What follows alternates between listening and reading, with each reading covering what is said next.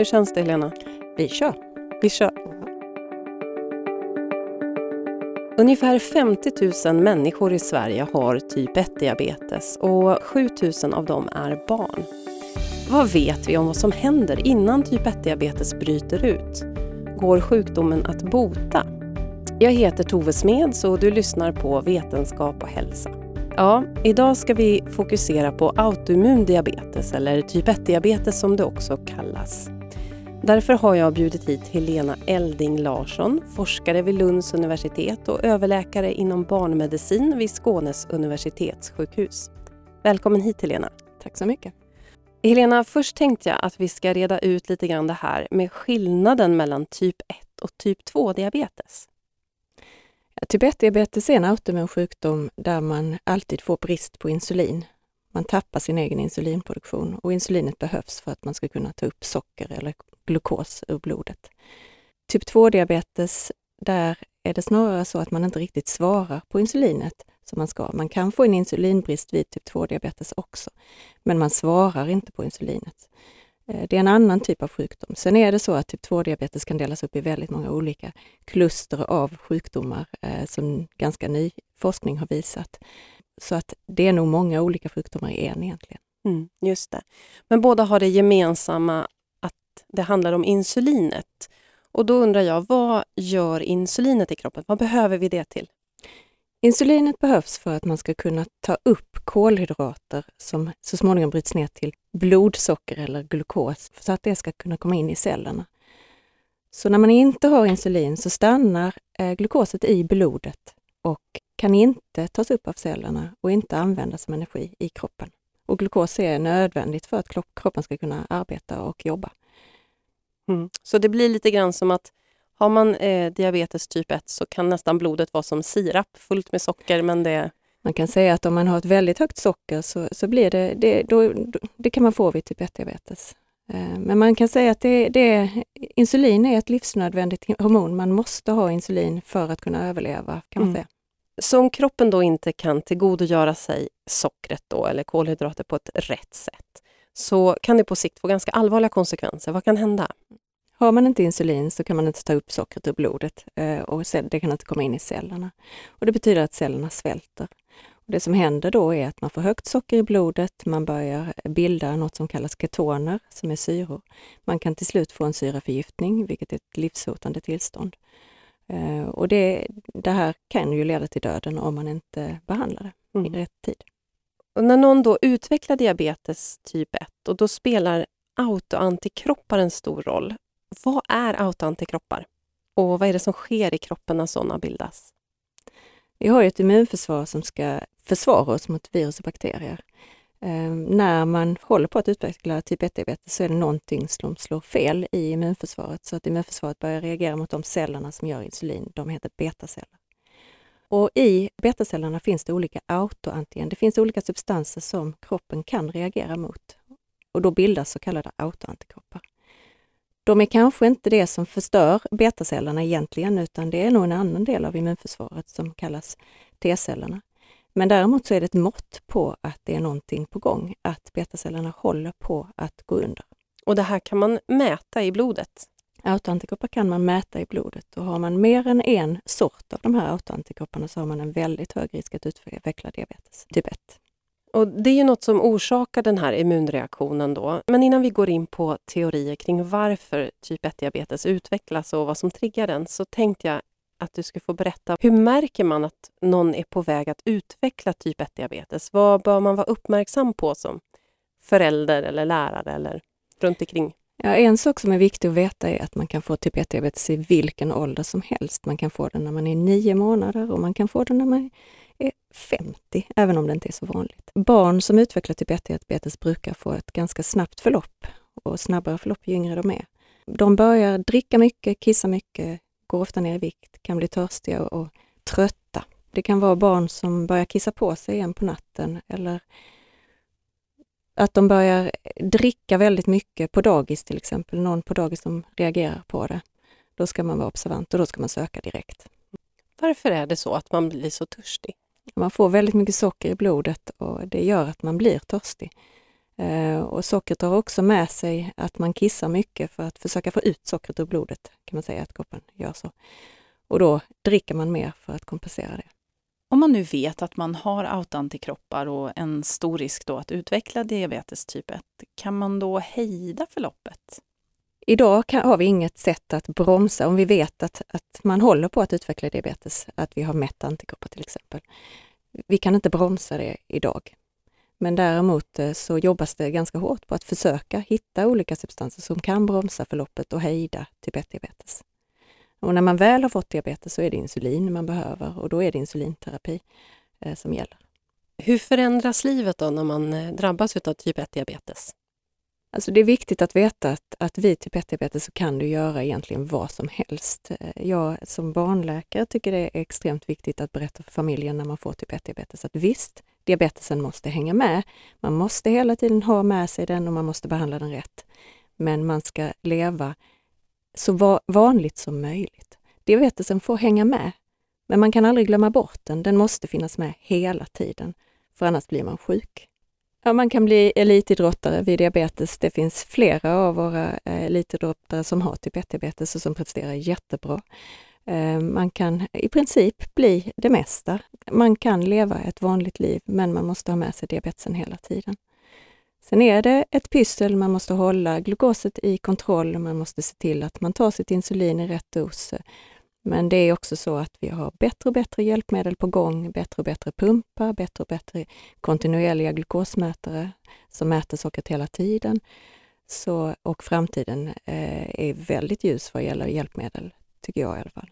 Märker du eller märker du att dina patienter möter fördomar när det gäller typ 1-diabetes? Ja, man kan få höra att eh, jaha, det är för att du har ätit för mycket godis eller för att du eh, inte har rört på dig. Men så är det inte med typ 1-diabetes. Typ 1-diabetes är en autoimmun sjukdom. Eh, och man, man kan inte hjälpa att man får den, det är kroppens immunförsvar som har gjort det. Så eh, ja, de fördomarna finns fortfarande. Man kan också ibland få höra att det kanske växer bort och det gör det inte heller, utan man behåller sin diabetes hela sitt liv. Eh, man kan inte i dagens läge bli frisk från typ 1-diabetes, utan den får man ha med sig hela livet. Typ 1-diabetes förekommer ju oftare i Sverige och Finland än andra platser i, i världen. Varför är det så? Vad tror man idag att diabetes eh, typ 1 beror på? Ja, man vet ju inte riktigt. Ehm, I Sverige och Finland har vi ganska mycket av de generna som ger en, en risk för typ 1-diabetes. Man kan säga att för att utveckla typ 1-diabetes behöver man en en ärftlig risk. Man behöver inte ha någon nära släkting med typ 1-diabetes, men man ärver en, en risk i sina gener kan man säga. Och den ärftliga risken är lite vanligare i Sverige och Finland än vad den är eh, i vissa andra länder. Eh, men sen är det andra saker också. Det är någonting i miljön. Det letas ju ganska mycket efter olika faktorer som triggar igång den här autoimmuna processen. Eh, och det finns många studier som letar efter olika faktorer. Virus tror jag har en, en roll i detta, men det kanske även behövs andra saker som komplement till viruset för att det ska bli en autoimmun process och för att man ska börja utveckla autoantikroppar och så småningom diabetes. Så en viss del ärftlighet och sen andra faktorer. Mm. Så det är ganska stort, många pusselbitar att mm. lägga mm. ihop. Liksom, för många att förstå. pusselbitar. Och man ska veta att 85 procent av de som kommer in med typ 1-diabetes som barn har inte en nära släkting med diabetes. Så de här generna är ganska vanliga i Sverige utan att diabetesen bryter ut. Och det här är ju något som du också forskar kring, att förstå bättre de mekanismerna som ligger bakom typ 1-diabetes och vad som triggar igång sjukdomen. Och du har bland annat haft nytta av TEDDY-studien. Berätta, vad är TEDDY-studien för någonting? TEDD-studien är egentligen världens största studien där vi följer barn med ökad risk för diabetes. Där har man tittat eh, när barnen föddes på de här riskgenerna för diabetes och plockat ut barn med ökad risk och så följer man dem fram tills de blir 15 år gamla, från tre månaders ålder. Det är en studie som pågår i Sverige men också i Finland och Tyskland och tre sajter i USA. Och nu börjar de första barnen bli 15, eh, så nu börjar vi kunna titta på riskfaktorer på ett sätt som vi inte har kunnat göra från början i studien.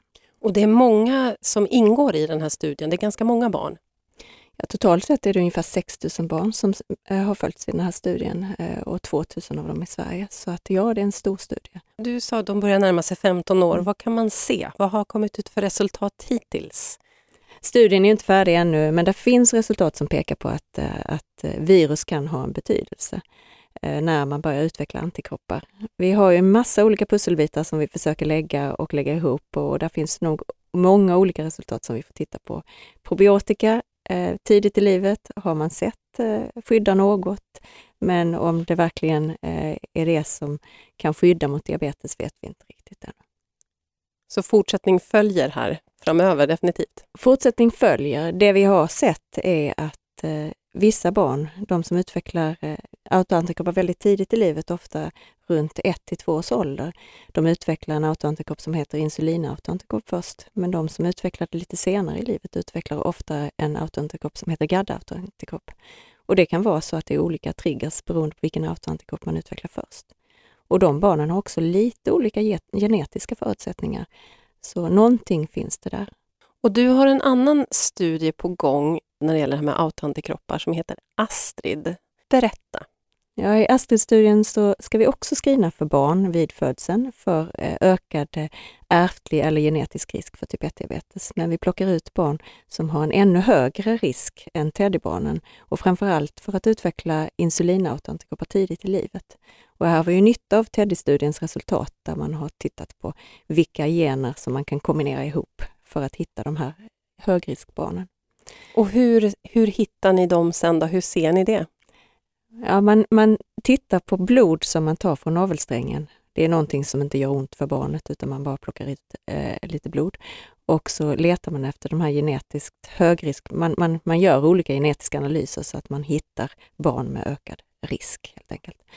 Och de informeras och kommer att eh, tillfrågas om de vill delta i en studie där vi försöker förhindra att man får autoantikroppar och diabetes. Och hur tänker ni att man ska förhindra det? Den studien heter Point eh, och den eh, handlar om att man försöker ge insulin fast i munnen eh, dagligen från 4 till 7 månaders ålder fram till 3 års ålder. Eh, för att försöka vänja immunförsvaret som finns i mag-tarmkanalen, där finns en massa immunförsvarsceller också, vid insulin så att man inte ska utveckla de här autoantikropparna. Det är lite grann som man kan göra med jordnötsallergi, att man kan försöka vänja immunförsvaret bort med att bli allergisk. Det är vad vi försöker åstadkomma i den här studien. Mm. Hälften av barnen kommer få, få verkningslös substans och hälften kommer få oralt insulin och så jämför man grupperna. Så då vet varken ni eller föräldrarna vilka barn som får? Nej, vi kommer inte veta det och föräldrarna kommer inte heller veta det förrän man bryter koden eh, och det kommer ju ta ett tag innan man gör det. Men eh, det är en spännande studie. Vad, vad, finns det något som talar för att, att eh, det här med att ge insulin oralt skulle kunna hjälpa? Det finns eh, studier med oralt insulin tidigare. Dels finns det studier där man har försökt med det till barn, som, barn och vuxna som redan har utvecklat sådana här insulinautoantikroppar. Och där eh, såg man egentligen ingen större effekt på att bromsa progressen till typ 1-diabetes. Men däremot i en, en liten grupp så såg man att det fanns någonting som hände. Man kunde kanske hejda diabetes ett litet tag. Men det, man såg också att det händer saker med immunförsvaret. Man kan skruva lite grann på immunförsvaret. Eh, man såg också att det inte fanns några bieffekter eh, som var av större vikt eh, och därför så vågar man ge det till lite mindre barn och ge det i förebyggande syfte. Och tanken då är att man kommer in ännu tidigare för att hindra att... Tanken här är att man kommer in innan man har utvecklat autoantikroppar för att se om man kan förhindra det istället. Det finns en förstudie inför den här studien som heter Prepoint där man har gett det till barn, ganska små barn och där man inte heller såg några egentliga biverkningar. Och när tror du att vi kan berätta mer om resultaten från den studien? Då? Ja, jag hoppas 2025 någonstans då så kommer vi väl kanske kunna veta lite mer om vad som händer. Det är rätt många barn som ska in i studien, eh, men det kommer in barn efterhand här. Det här med att eh, ingå i en studie, ni har ju också sett, eh, publicerat att det finns fördelar med att ingå i, i till exempel Teddy-studien. Berätta! Ja, när man ingår i en studie där man följer eh, barn eh, för risk för diabetes så kan man hitta diabetesen tidigt. Eh, och det kan vara en fördel. Vi har ju hittat eh, nästan, nästan 50% av barnen i TEDDY-studien har egentligen inga symptom när de utvecklar sjukdomen utan vi hittar dem tidigare. Och då kan man gå in med behandling tidigt. Det förhindrar inte att man fortsätter tappa sina beteceller, men man, man behöver aldrig bli så sjuk så att man behöver eh, ligga på intensivvårdsavdelning för att man får en syraförgiftning. Men man behöver heller aldrig få så väldigt höga eh, långtidssocker HbA1c och det kan kanske ha en effekt på sikt, det vet vi inte riktigt ännu, men, men vi tror att det kan kanske ha det. Och då skulle man kunna tänka sig att om man då till exempel skulle kunna screena barn med högre genetisk risk för det här, att man skulle kunna följa dem tidigare. För idag screenas man ju inte för de här autoantikropparna per automatik. Nej, idag gör man inte det och det, det är diskuterat det här med screening. Och man kan väl säga att, att, det vi kan förhindra är att man blir väldigt sjuk vid diagnosen, men vi kan hittills inte förhindra att sjukdomen utvecklas. Och så länge vi inte kan det så är det svårt att gå ut med en allmän screening. Eh, så just nu så får man nog nöja sig med studier. Men eh, kanske i framtiden, kan vi förhindra diabetes så är man i en helt annat, ett helt annat läge. Kan man få eh, typ 1-diabetes utan att man har de här riskgenerna? Ja, det kan man, men det är väldigt ovanligt. Man kan säga att man kan ha olika kombinationer av de här generna och det är egentligen gener som kodar för hur, man, hur immunförsvaret eh, kan se olika saker. Eh, hur, hur man presenterar olika saker för immunförsvaret. De typerna av HLA-gener som ger risk för typ 1-diabetes, de är väldigt vanliga framförallt hos oss i Sverige och i Finland också. Och det är nästan eh, bortåt 40 till 50 procent som har någon av de här riskgenerna men ändå inte utvecklar diabetes. Så att eh, man, det krävs någonting annat också för att man ska utveckla sjukdomen, för att man ska börja utveckla autoimmunitet. Och det är det vi hoppas att ni kommer att hitta. Ja. Mm. Då får jag tacka så mycket för att du kom hit och berättade om din forskning och lycka till. Mm, tack för att jag fick komma hit. Du har lyssnat till en poddserie om forskning som produceras av redaktionen vid Aktuellt om vetenskap och hälsa. Inspelningsproducent George Godfrey, Skånes universitetssjukhus. Mer information finns på vetenskaphalsa.se. Du kan också följa oss på sociala medier